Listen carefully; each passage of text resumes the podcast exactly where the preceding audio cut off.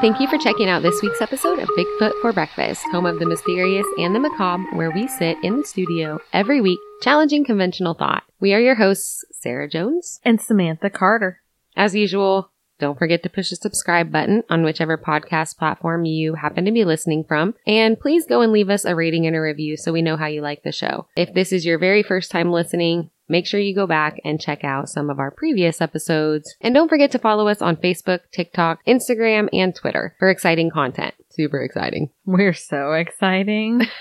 hey, we've got chickens. We do. We have We've a got- chicken. We have chickens. Studio chicken. Yep. Also, on top of that exciting content, you have opportunities to win free things. So every month, typically, we have a contest and it varies what you need to do to be entered into the contest. At the end of it, we usually give away something for free, like a t-shirt or a Bigfoot for breakfast mug or something like that. So don't forget to check those out too and participate in that if you want to win some free things. If you have any questions or comments for us, there are various ways that you can reach us. A lot of people send show suggestions and we really, really, really appreciate that too. You can email us at bigfootforbreakfast at outlook.com. You can also send us a message on Facebook or you can call us at 641-812 2635. And you don't have to worry about anybody answering the phone for all you introverts because it's just a voicemail system.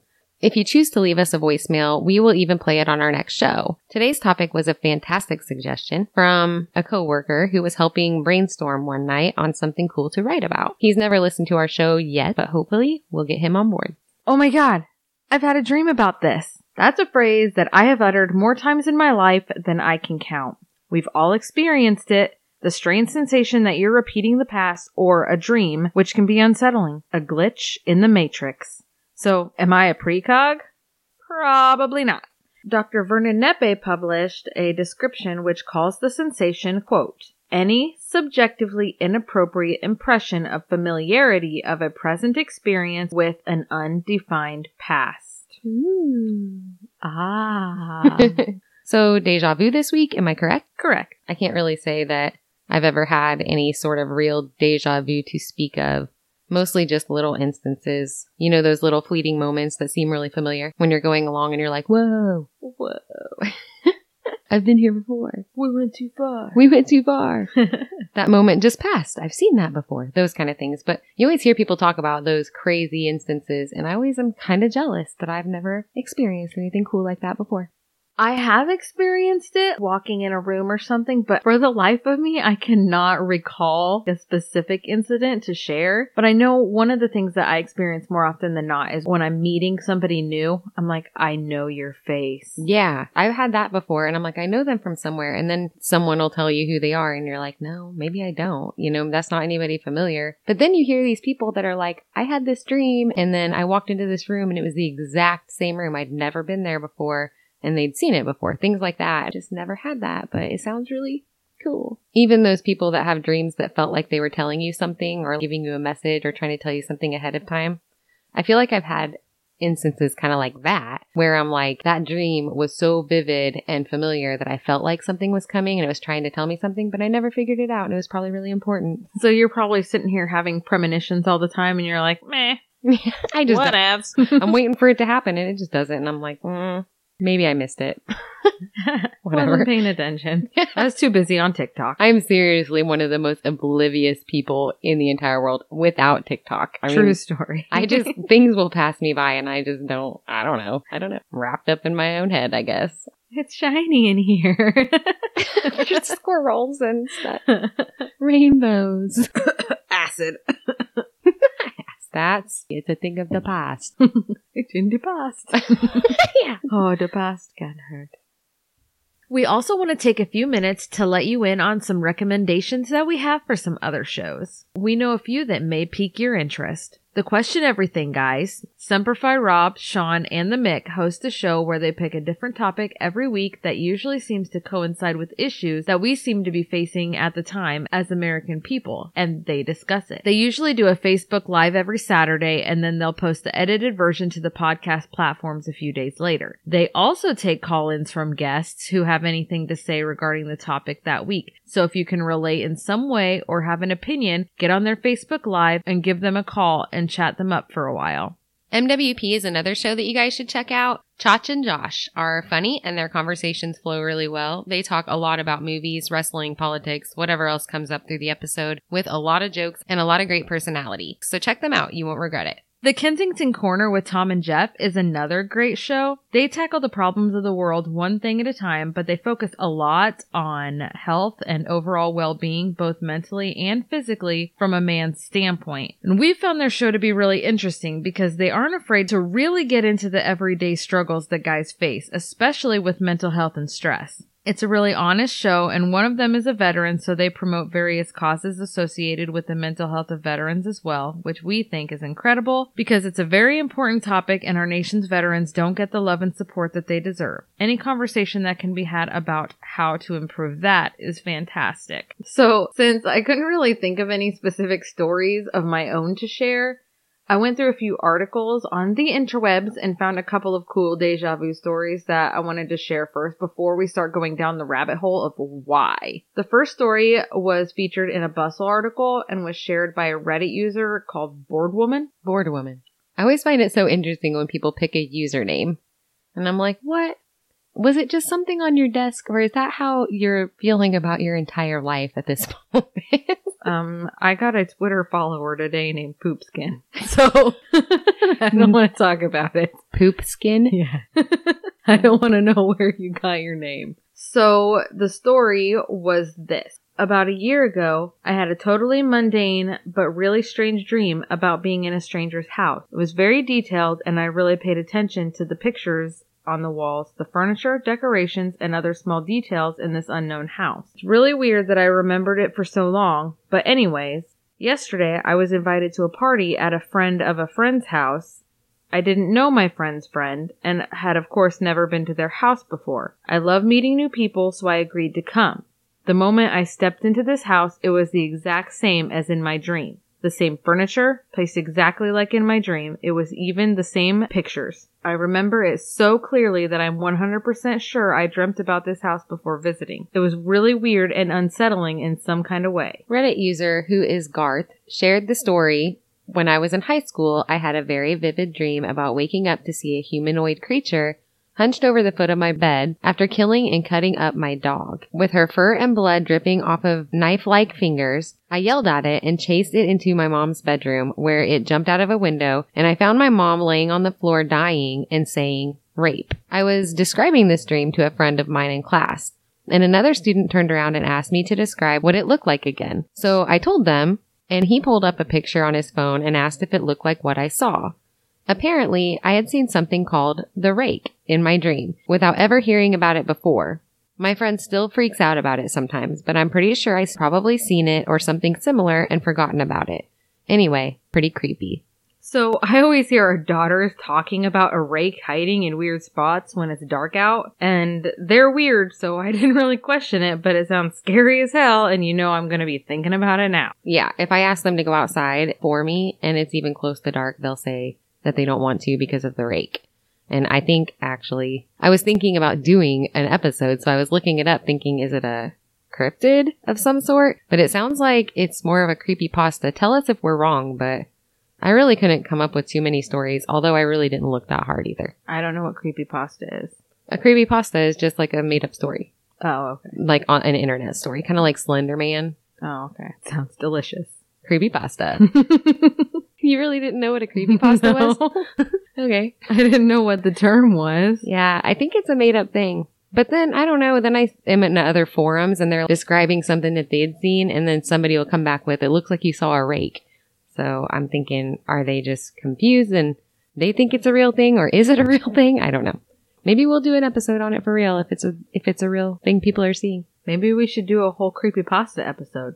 Like I don't know, maybe where we just make crap up and scare people. Yeah, I can come up with some weird shit. We really can. It's a thing. It's scary in this Arm- brain. Our minds go to dark places. Very dark places. Okay, so Reddit user Pixel Meow submitted one that has nothing to do with a dream, and it's a pretty basic deja vu experience. It sounds pretty typical, even though for the life of me, I can't come up with any even basic stories of my own. It's freaking weird. Frickin' weird. Frickin' weird. Frickin' weird. She says, Sorry, I'm going to go off subject. So I saw this the other day, this little the video on Facebook where the guy is stuck in a seatbelt and he can't get out of the car. Can't get, I'm trapped in the car. I can't get out of the car. And he's stuck. It's an older guy and he's stuck in the seatbelt and everybody's laughing hard. Anyway, it just really got me. Cracked me up. Did you ever watch the Super Bowl commercial for the car? And it had who did it have in it? It had Mark Wahlberg, I think. Of someone else. course. Smart Pack. It's got the Smart Pack. the car that parks itself, but they're in Boston. It's, it's the Smart Pack. It's the Smart Smart Pack. like everybody's in there talking about the Smart Pack. It's hilarious. Hold on, let me go get my khakis. I'm so jealous of the Boston accent. It's Right? insane. I guess is it Boston or Brooklyn? no, it's Boston. Okay. Cat Pack. We're back to Pixel Meow's story. She says, when I was in my early 20s, I was driving around with my best friend and we went to a part of town we'd never been before. At one point, I turned into a neighborhood and turned around to go back home. As soon as we were pointed into the neighborhood, everything went crazy in my head. I had been there before. I knew I had. But the neighborhood couldn't have been more than a year or two old, and I had never been to that part of town. I was really freaking out, and my friend was amazed. So that's pretty typical. Yeah, that's kind of like a good example of just kind of what everybody experiences. You know, I've asked around a lot about this now since I figured out you were doing this episode and you did too. You put something out on Facebook and it sounds like that's kind of basically it. Like I've been to this place before or I've seen this moment before, but mm-hmm. it's not anything significant. Most everybody's responses though are, "Oh my gosh, that happens to me all the time." Oh, when? I don't know. Nobody can really like pinpoint because I think it's so fleeting Yeah, it that is. it comes so and goes and it's pretty common. So there are tons of theories flowing out. Flowing out of me. They're all flowing. anyway, so that better get cut out. you know it won't.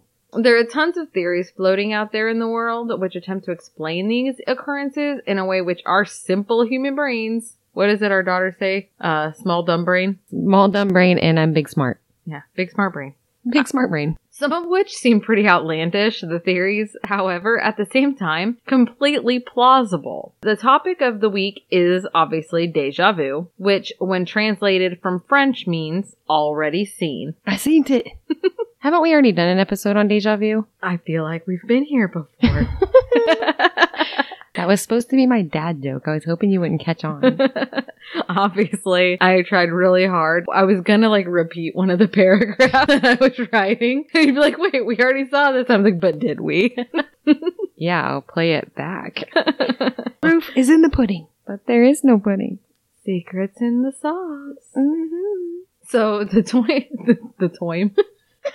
I'm getting our getting our uh, our accents on. Sam the linguist over her. They're all terrible. So the term was coined by French psychic researcher Emile Boirac.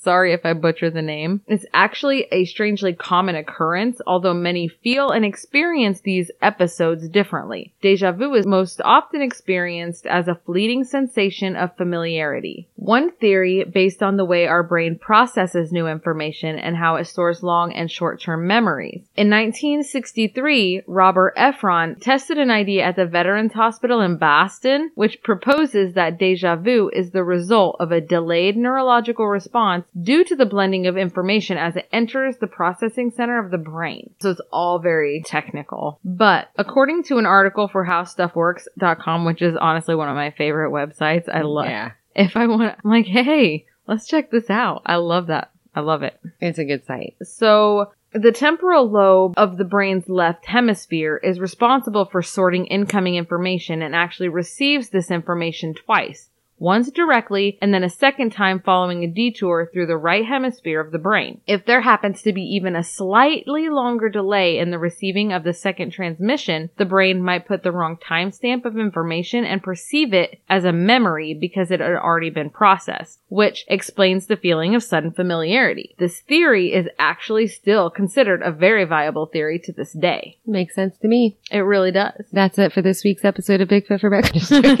Thanks for stopping by. we wrapped it up. anyway, we really Mystery did. solved. So I was actually reading up on this a bit since you talked about deja vu, and that's what we were doing this week. And apparently, the deja vu term means already seen, Mhm. like you said before. It refers to just a fleeting moment, right? So if you're talking about a longer period of time that this goes on, or it's more of a sequence of events that seems familiar. Did you see that it's called déjà vu? If it's longer. Yeah, if it's not just a fleeting moment, it's more of a sequence of events that goes Mhm. on for like more than 30 seconds. Oh, no, I didn't find that in my research. I never heard of it before. Déjà vu. Déjà vécu. It just sounds really, So what does it mean? I don't know. It means that it's Already longer. seen it longer? I already saw it for a longer time. so we know French good. we don't French good. Well, we do French pretty good, but Yeah. Go ahead. Okay, so obviously this theory it differs a little bit from what I discussed earlier, or what Sam discussed earlier, as it's the processing of information while a person is awake as opposed to the feeling of living an experience from a dream. The theory of precognitive dreaming brings a little different perspective to the idea of deja vu. For those who might be unfamiliar with the concept of precognition, First of all, you need to watch some Tom Cruise in the movie Minority Report. that's for sure. Y'all need just some Tom. Precognition is the knowledge of an occurrence before it occurs, particularly when achieved by means that are beyond the scope of normal scientific understanding. So to simplify, it's knowing the future before it happens. In this case, though, it's dreaming, dreaming the future before it happens. The idea of precognition or premonition isn't new. Throughout the whole of history, there has been some reports of and claims of individuals with the ability to predict the future specifically while dreaming, all the while being met with staunch skepticism, and in many cases, rightly so. And by staunch skepticism, we mean getting burned at the stake. Yeah. Or, you know, tarred and feathered or drawn and quartered or Yeah, because back in the day, they didn't just go on Facebook and rake you over the coals. They like literally raked you over the coals. that. We're gonna throw you in the ocean. If you sink, you're not a precog. And we were right. Sorry, my bad. You're dead. Oops. I think that was witches, but you know, same thing. Either way. You know, I mean, telling the future would be witchcraft. True that. It violates Jesus. Anyway, the most notable of historical soothsayers is probably 16th century French seer Michael Nostradamus, more commonly known as Nostradamus. He was a master of vague predictions and outcomes, which he published in a book in 1955 called Les Prophéties which has actually remained in print and in circulation since its initial publication and remains available to this day. Yeah, most people have heard of Nostradamus. I would Yeah. think. Yeah, most people I would think. Um, so prior to this publication of his book, he wrote an almanac for the year of 1550 in which he changed his name to Nostradamus, the publication of which was so successful that he continued to write one or two a year, which collectively contained about 6,338 prophecies. He knew some stuff. Well, he, I'll, I'll, I'll he made my, a lot of random vague statements. I'll put my two cents in here in a minute too. Just two. So that number, though, is according to Wikipedia. Throughout his life, he was at odds with the church, mm-hmm. as well as other skeptics who simply did not believe in his abilities. But that doesn't stop people, even today, from gleaning meaning from his vague predictions. An example of one such writing was about two steel birds and a fire in a big city which was interpreted as a prediction about the September 11th attack on New York in 2001. Followers of Nostradamus' work claim that he even predicted the COVID-19 outbreak. Century 253 warns against a great plague of the maritime city will not cease until there be avenged the death of the just blood condemned for a price without crime. Wait, what? anyway, Right? so this is predicting COVID-19. So I see a few flaws other than the generic nature itself. Wuhan is a landlocked city. Nothing maritime about it. So, but those who believe this to be an accurate prediction believe that the origination of the outbreak occurring in a seafood market is proof enough. Well, okay then. They got octopi. What else do you want? So there was another one too. Actually, I just saw it on Facebook and actually my husband pointed it out. It was a meme and immediately when I saw it, and no, I'm not a Nostradamus expert, but it was pretty easy to pick out that as vague as the supposed prophecy was, it was too specific for Nostradamus. You know what I'm saying? I am like about the memes that are like Abraham Lincoln saying, you don't believe everything you see on the internet, bruh. kinda. It was. Yeah. It looked like it was supposed to be convincingly Nostradamus, Uh-huh. but it didn't seem like anything that I'd ever read by him. I guess. So this one said there will be a twin year. From which there will arise a queen. People are interpreting the queen as Corona, who will come from the east and who will spread a plague in the darkness of night on a country with seven hills, and will transform the twilight of men into dust. to destroy and ruin the world. It will be the end of the world economy as you know it. So that's what the meme said. Mhm. And it said it was a Nostradamus quote predicting the coronavirus. So I set about to disprove this immediately. And if it was a true thing, it would be really interesting. But upon taking to the interwebs, it seems to have been determined to be false because no one can find this particular writing in all of his written prophecies. So people are just kind of throwing that out there too. I think Nostradamus Yes, queen. there's a lot of followers. I mean, obviously, we here at Bigfoot for Breakfast are interested in that sort of thing, that line of thinking. But I have always found him to be so incredibly vague. And if you think about, okay, you said he had 6,000 Mhm. prophetic visions that he wrote down. And there's over 500 years in which to apply these vaguely non-specific sentences to any point in history. I feel like there's a lot of people that are reaching for these. I agree. I'd love to believe. I'd love to believe too. I mean, there's other people though that I find very interesting, but not so much Nostradamus. I just can't. I don't know. Maybe I'm wrong. I think he tried to do the whole almanac thing, and then he got sucked in when Catherine de Medici was like, "Oh, you need to do all this," and he's like, "Shit, if I don't do this, I'm going to die." You never know back then. That's the way it went. Because she was a huge subscriber to his prophecies and even sent for him and brought him to French court to write horoscopes for her children. Yeah, that makes sense. Or he just didn't want to be, you know, people like to feel relevant. But you also don't want to tell Catherine de Medici that you lied. Or no. Or no. Just do the things. Just do the things. Yeah. This has gone too far. Your children are fine. but the kids aren't all right. no. and they weren't. Anyway. According to an article by Patrick Lynch, a 10 year old named Eryl Mai Jones told her mother that she had a dream on the night of October 19th of 1966 in which she had gone to school, but the school was gone and something black was covering it. That wasn't the only unusual behavior she exhibited that week. She told her mother that she wasn't afraid to die because she would be with Peter and June, which were schoolmates who had died young. Three days later, on October 21st, 1966, her home village of Aberfan was devastated when a colliery spoil tip slid down the mountain, hitting Pantglas Junior School, killing 144 people total. 109 of the lives claimed in the incident were children.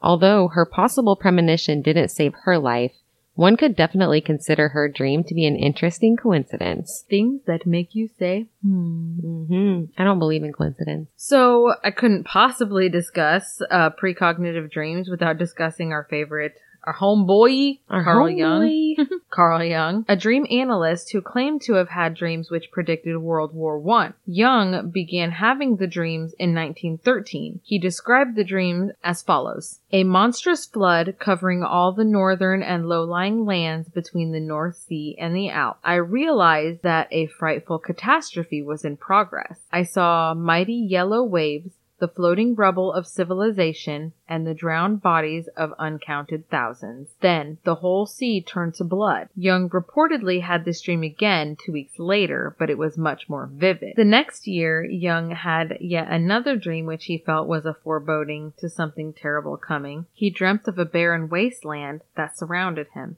An arctic cold froze the land to ice in the middle of the summer. Every living thing died because of the frost. He reported that he had the last dream in June of 1914, and then a month later, the war erupted. In the Bible, Genesis discusses that the Pharaoh of Egypt experienced dreams foretelling seven years of abundance followed by seven years of famine. His dreams were interpreted by a servant who claimed God could use him as a sort of conduit through which he could give the Pharaoh the meaning behind his dreams. The Pharaoh shared the content of his dreams. In my dreams, I was standing on the bank of the Nile. When out of the river there came seven cows, fat and sleek. They grazed among the reeds. After them, seven other cows came up, scrawny and very ugly and lean. I had never seen such ugly cows in all the land of Egypt. The lean, ugly cows ate up the seven fat cows that came up first. But even after they ate them, no one could tell that they had done so because they looked just as ugly as before. Then I woke up. In my dreams, I also saw seven heads of grain, full and good, growing on a single stalk. After them, seven other heads sprouted, withered and thin, and scorched by the east wind. The thin heads of grain swallowed up the seven good heads. I told this to the magicians, but none could explain it to me. The servant explained it to the Pharaoh. God has revealed to Pharaoh what he is about to do.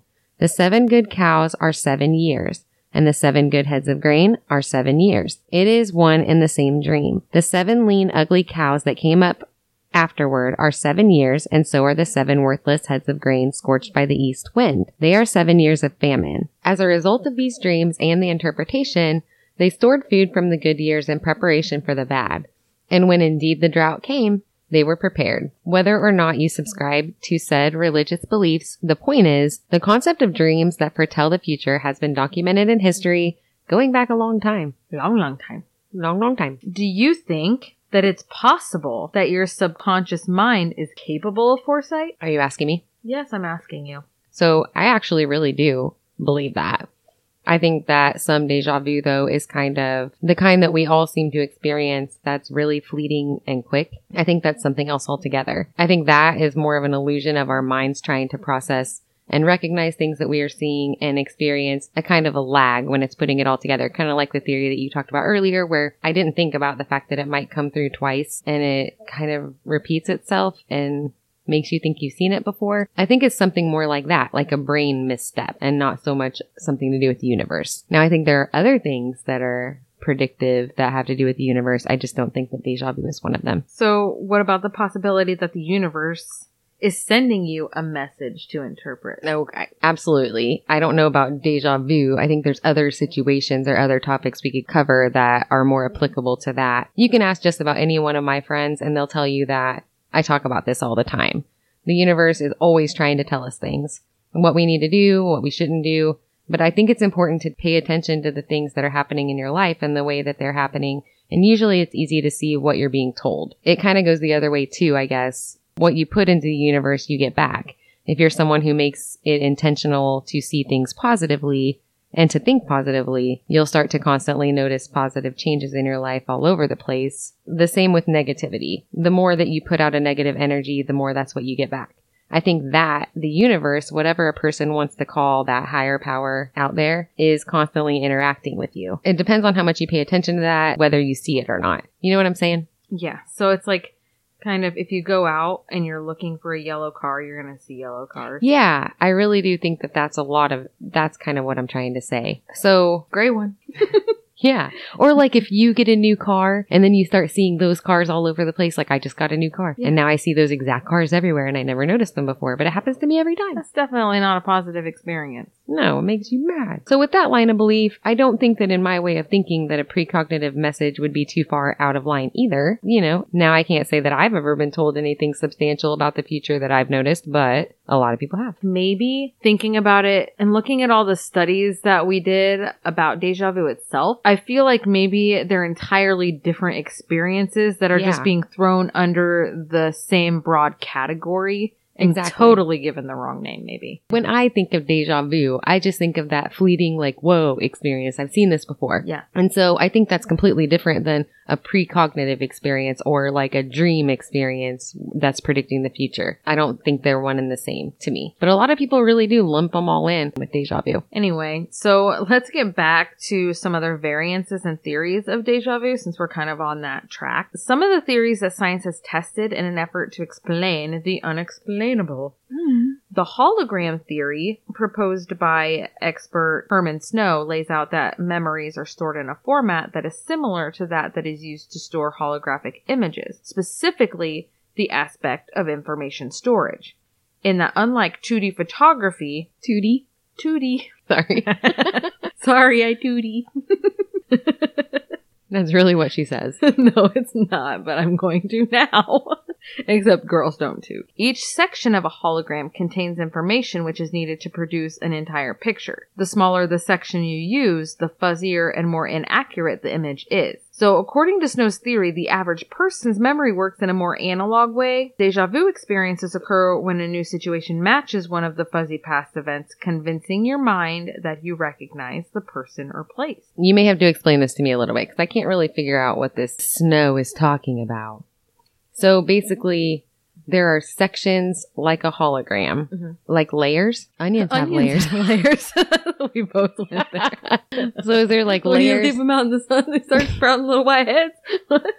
There's layers, sections of this, and then one passes through several times.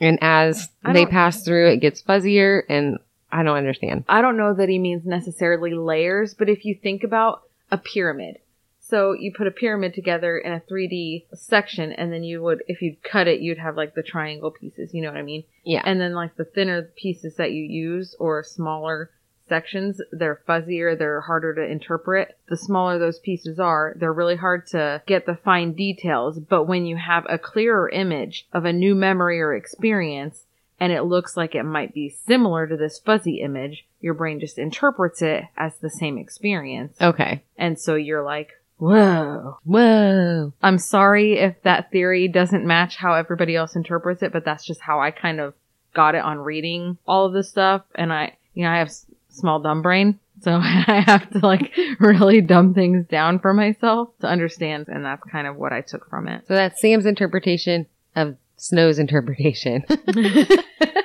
Join me on my other podcast. Sam Smallbrain dumbs it down. Interpretations. That's it. Interpretations of interpretation.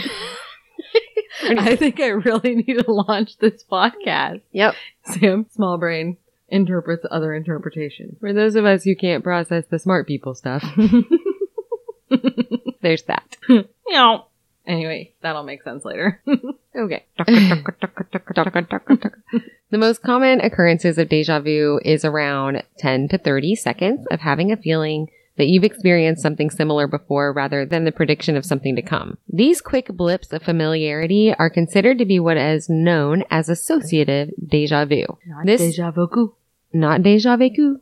This is assumed to be the most common type, which would be what happens with your average everyday healthy person. There are some brain conditions that may be the underlying cause for what is known as biological deja vu, which occurs in people who suffer from temporal lobe epilepsy. Some medical studies of patterns of electroencephalography signals in epileptic patients showed that deja vu could be induced by electrical stimulation. Other causes for this particular seizure disorder are extensive. Things like traumatic brain injury, stroke, malformation of blood vessels in the brain, tumors, gliosis or scarring in the temporal lobe, specifically the hippocampus.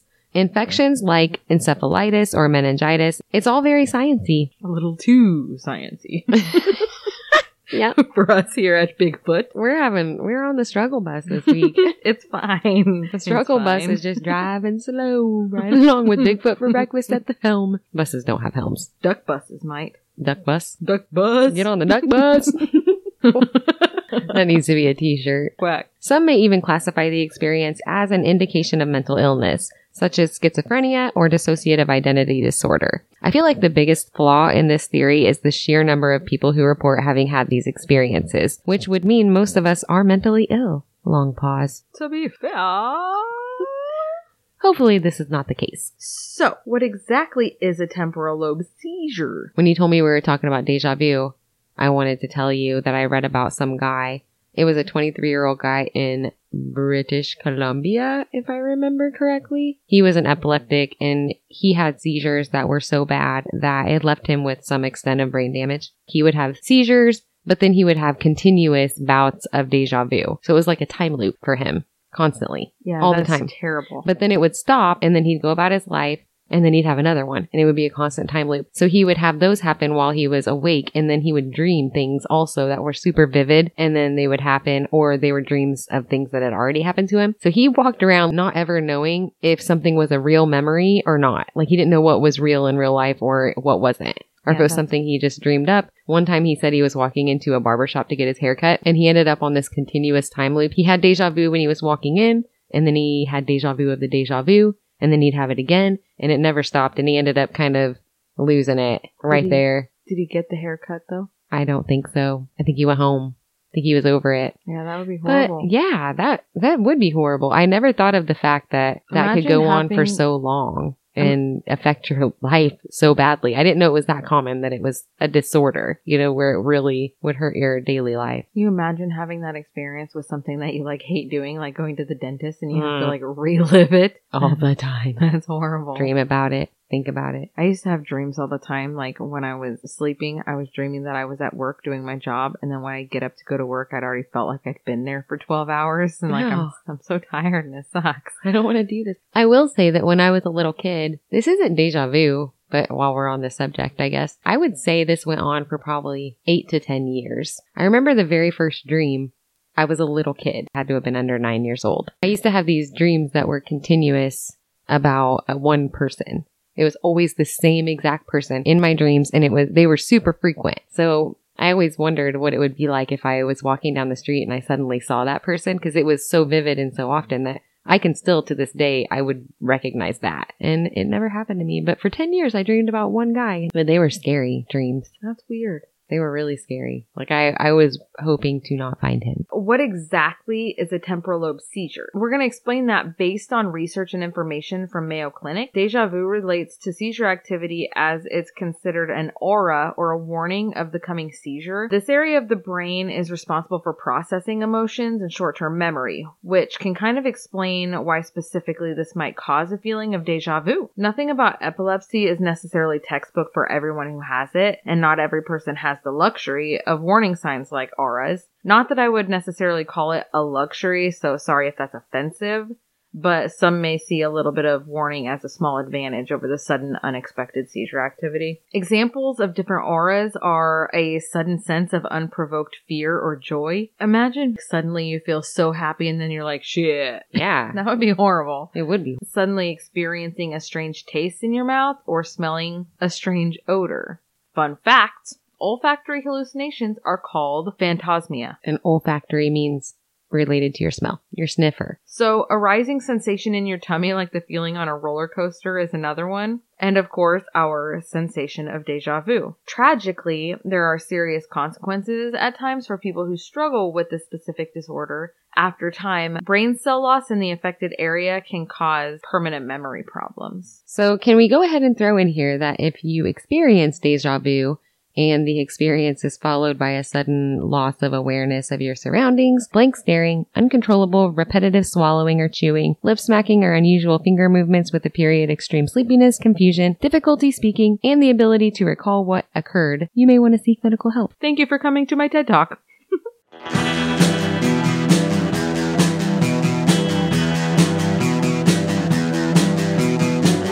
You're listening to the Prescribed Films Podcast Network, home to hundreds of hours of free podcast entertainment. The shows on this network all have a common goal providing you with the best discussions about movies and other forms of entertainment media. The PFPN hopes to fill your earholes with audio joy. Visit our website with links to all the other amazing shows at www.thepfpn.com. Thanks for listening. Yeah. Anyway, let's move on to another theory. Dr. Alan Brown of Duke University developed the divided attention or cell phone theory, which advocates that when we're distracted, we unknowingly become more aware of our surroundings, but not enough to realize it consciously. So once you actually become aware of your surroundings, they seem familiar. Brown uses another example of this to explain some of the thoughts on deja vu. You walk into your friend's house for the very first time and you're in a deep conversation when you walk in. During this conversation, your brain is processing the room, but the rest of you is distracted. Then, when you stop the conversation to actually look around, it feels like you've been there before. But really, your brain is just a little bit ahead of you. That's what I think happened. That is, I think that's a valid theory right Um, there. very- Yep, I agree. Um, so I've heard some discussions and seen some discussion threads on Reddit relating to another theory that when you experience deja vu, it's because you slip into a temporary time loop. Ooh. I'm not really an expert on the space-time continuum, but I have watched Groundhog Day and Avengers Endgame, And, in which and Back to the Future. We'll get to that. In which I learned that my playbook on time travel, which was based entirely on the rules listed in Back to the Future, is pretty much useless, and that kind of messed my world up. Follow us off the subject a little bit here, because while researching deja vu specifically, I found Jack on any in-depth ideas on this specific theory. However, it really excites me, so I want to discuss it. So talk to me a little bit on what you know or don't know, or what you'd like to think in regard to the time loop theory. I hate to be a Debbie Downer in this episode, but I can't. I can't. I think they're, my dreams. I think all of those things exist. I just think they exist very separately. And I think deja vu is just a mind slip. We're in for a time slip. Mind slip. Anyway, Let's do the time loop. I think that personally time loops are different than deja vu. It always seems though that people who talk about experiencing a time loop seem like they experience more severe repercussions than people who experience deja vu. People who talk about time loops are more prone to like questioning reality and they have more extended situations. And it seems like their minds are more distorted. They're more confused. And it takes them longer to figure out what's real and for the world to seem to catch up. You know what I'm saying? I know what you're saying. So while we're down this particular rabbit hole, this might be a good time to jump right into another badass outlandish theory. The multiverse. Yes, comic fans, we've been preparing for this our whole lives.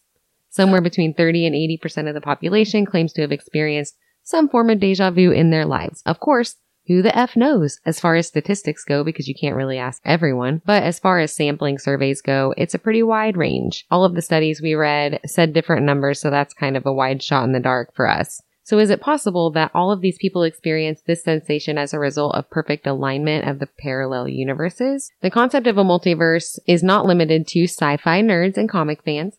Scientists and theoretical physicists alike believe in this theory. In fact, Nobel Prize winner Steven Weinberg, who is in fact a theoretical physicist, compares this theory of multiple universes with radio signals. And I think this is a really good comparison. I really liked it. I did too. It, I found it very convincing. And So- he's big smart brain. he is big smart brain. So here it is. Around us, there are hundreds. you've got to say it in your. you may say this whole thing. in yes. that? No. You you've got to do it in your reading rainbow voice. So around us, there are hundreds of different radio waves emitted from distant antennas. Our office, our car, and our living room is filled with these radio waves. However, a radio can only receive one frequency at a time.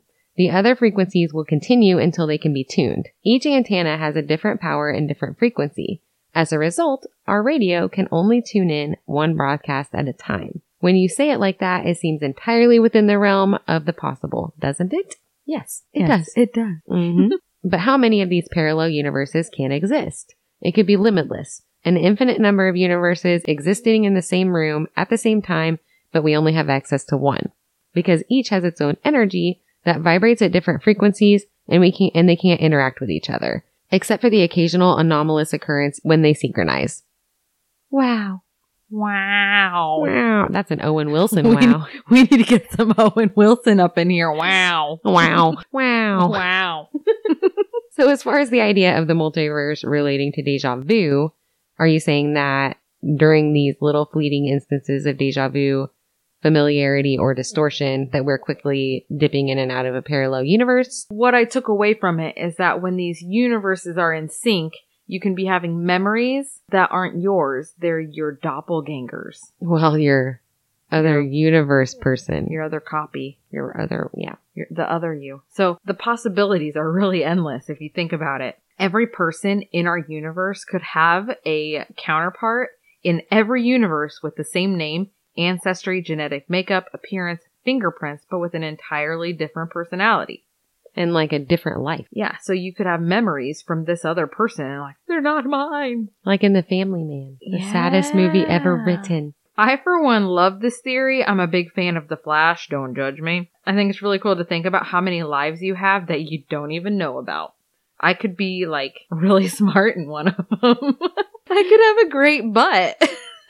According to Dr. Kaku, the multiverse theory, as it relates specifically to deja vu, lies in the possibility that the phenomenon is caused by the ability to change between different universes, also called multiverse, and the ability of some people to flip between the different universes. If you haven't done much research on your own on the multiverse theory, which, uh, duh, everybody does, right? Everybody's Yeah. reading about this all the time, Constantly. constantly If not, you should. you really need to check out Dr. Kaku on YouTube. It's really cool to hear him explain his theories. And he also makes some really cool sound effects when he's describing the Doppler effect. So this is my shout out to Dr. Kaku. Meow. That's the Doppler effect, just so you know. Meow. Meow. Meow. So even Freud dabbled in the study of deja vu, stating that the sensation was caused by a similarity of a present situation that is suppressed fantasy. Uh-huh. Of course Mhm. you'd go there. Um, however, he ultimately decided that the phenomenon was too confusing to dive into. So let's divert a little back to our singular universe. Meow. Not as cool though. Here. And let's talk about the theory of memory mismatch. I've played that game. I'm really bad at it. I'm just kidding. According to Dr. Jordan Gaines Lewis, deja vu is speculated to occur as a result of mismatch in the brain, as it attempts to create whole perceptions of our world in spite of a very limited input that we are capable of based on our physical senses. The brain fluctuates between two different types of recognition memory, recollection and familiarity. Recollection based recognition occurs when we can pinpoint an instance when a current situation has previously occurred. For example, seeing a familiar man at the store and realizing that we've seen him before on the bus.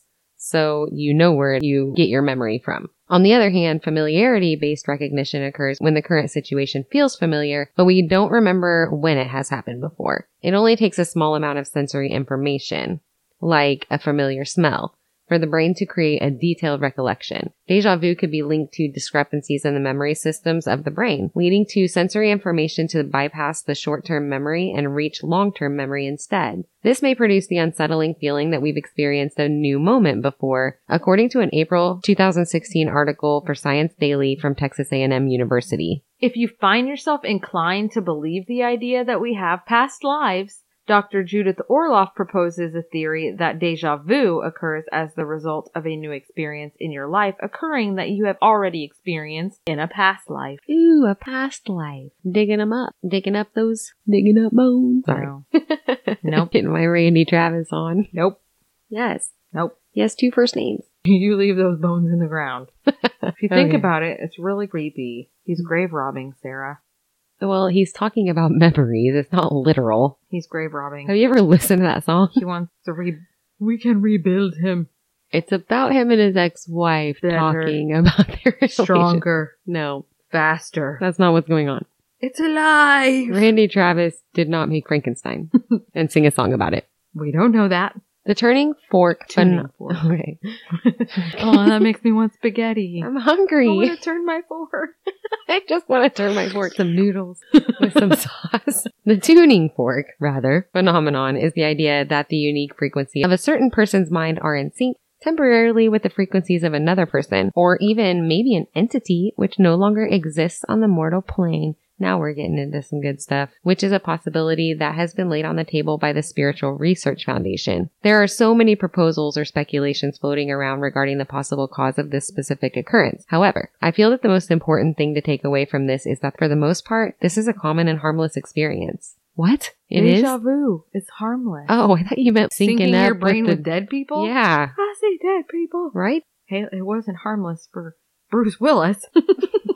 so, I have seriously like to propose the theory that deja vu is a glitch in the Matrix. It behooves me to recall that Sarah Jones has shamelessly disclosed that she herself has never actually experienced the emotional mind blow that is the Matrix trilogy. It's true, I have not. While a fantastic example of fictional artistry, how could we possibly dismiss the idea behind the deja vu experienced in the film? So, if you recall, or if you've never seen it at all, there's a moment in the film where they're in a house and they see a black cat walk across a doorway, and then moments later, the same cat walked across the same doorway, and Keanu poetically points out the experience of deja vu. Whoa. Whoa. Something strange is afoot at the Circle K.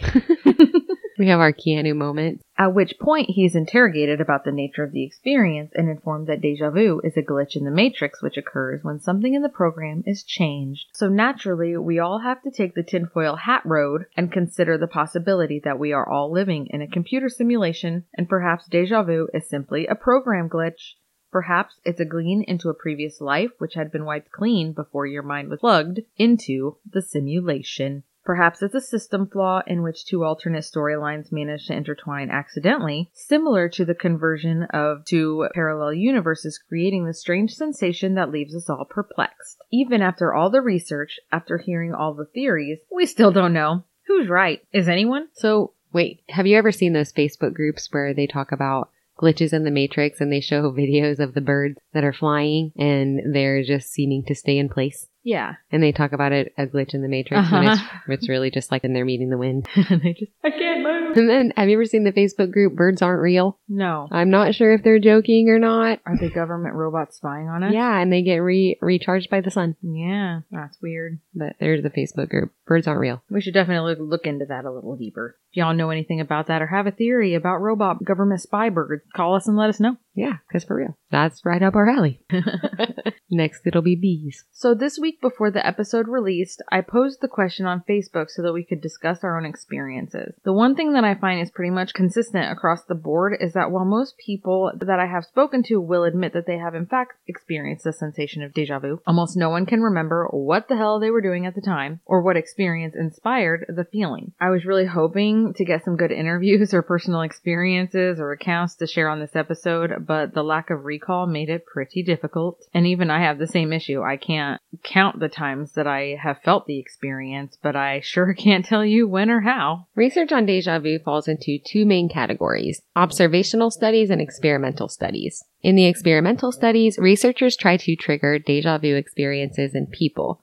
Akira O'Connor, who is a lecturer for the School of Psychology and Neuroscience at the University of St. Andrews in the UK, said in an article for Digital Trends that they attempt to do this by giving people a list of words which have a common theme. The example she gave was night, dream, and pillow. Subjects are then asked if the word sleep was in the list. If they answer yes, then they are asked if any of the words that they heard started with the letter S. And the answer is no which gives them a confusing sense of deja vu. Now, I don't necessarily understand the method, but hey, I'm not a scientist or a psychologist. Another method, one of the weirdest methods I read about being used to trigger deja vu is by squirting warm water into people's ears. I can't say I understand that method entirely either. But the idea behind these studies is that if they are able to determine the cause of the sensation, we might be able to understand more about it. I guess that makes sense. Leeds Memory Group researchers used hypnosis to trigger the recognition process in hopes of creating a sense of familiarity about something a person had not seen before. In the experiment, volunteers were shown common words. Then they were hypnotized and instructed that when they were next presented with a word in a red frame, they would feel the word was familiar, but they would not know when they last saw it. If they were presented with a word in a green frame, it would make them believe that the word was on the original word list that they were shown. According to the BBC News article on the study, 10 of the 18 subjects reported feeling deja vu when they were shown new words, not from the list, in red frames. At the University of California in the 90s, Elizabeth Loftus conducted her own series of studies after a wave of recovered memory child abuse cases. In this study, she demonstrated that false memories could be induced in research subjects. According to a New York Times article, research into post-traumatic stress disorder found that subjects that suffer from PTSD can be tortured by distorted memories of traumatic events. On the other hand, with observational studies, researchers attempt to measure the aspects of the experience like who has it, when it happens, or how often they have it, and use that information to find patterns and links in the result. Observational studies have been useful in gaining some insight into the experience, like the fact that young people report more incidents of deja vu than their elders. I think the age group was like 15 to 25, which is the most common age group to report. I did read that too. According to a paper by cognitive psychologists at Colorado State University, Anne Cleary, which describes how she and other researchers recreated deja vu in study subjects in order to examine the feeling of premonition during the phenomenon. But according to this paper, the results of their studies showed that the participants were no more able to tell the future than if they were blindly guessing until they had just experienced deja vu. Then they felt like they could Yeah. which is fair. I'd say that's kind of how it feels when people experience it out in the real world to an extent. They liken the experience of deja vu to the tip of the tongue experience. Another thing that we all do all the time. When you know the word you want to say, but you just can't seem to spit it out. Sometimes I'm reading a word and I just can't seem to spit it out. Now we have that problem a lot. Both of these experiences are classified metamemory phenomena. Another example of this could be like when you see a person's face and you know you recognize it, but you can't figure out why or how or where you saw it before. After wading through all of these amazing and interesting possibilities, let's go ahead and throw out there that it is entirely plausible that you have, in fact, been in the place, seen the person, had the conversation, or done something eerily similar, and just forgot. This is definitely the most boring and simple of the explanations proposed today, but that doesn't make it any less a viable theory. So now that we have discussed various memory phenomenon, and many of them are really in addition to deja vu. We talked about deja vu, but we talked about lots of other memory issues as well. But that's it for this week. So thank you for checking out today's episode of Bigfoot for Breakfast. We hope you enjoyed listening. Maybe we stimulated your brains a little bit into the consideration of everyday occurrences that we ignore or take for granted. It's definitely a big world out there and it amazes us to think of all the things that could happen in the world and outside of it that we know absolutely nothing about. You can continue to join us in our quest for discovery by subscribing to our podcast on whichever app you listen from. And while you're at it, please leave us a rating and a review. It helps out our show tremendously. In the name of science. Also, you can reach us on Instagram, Twitter, Facebook, TikTok, or by email at bigfootforbreakfast at outlook.com, or you can call our voicemail and leave us a message. The number is 641-812-2635. We love getting feedback on what you love about the show, what you want to hear, and what you think we could do better. If you have any cool stories, we love to hear those too. Once again, thank you for being here with us. Keep coming back. Please. Bye. Bye.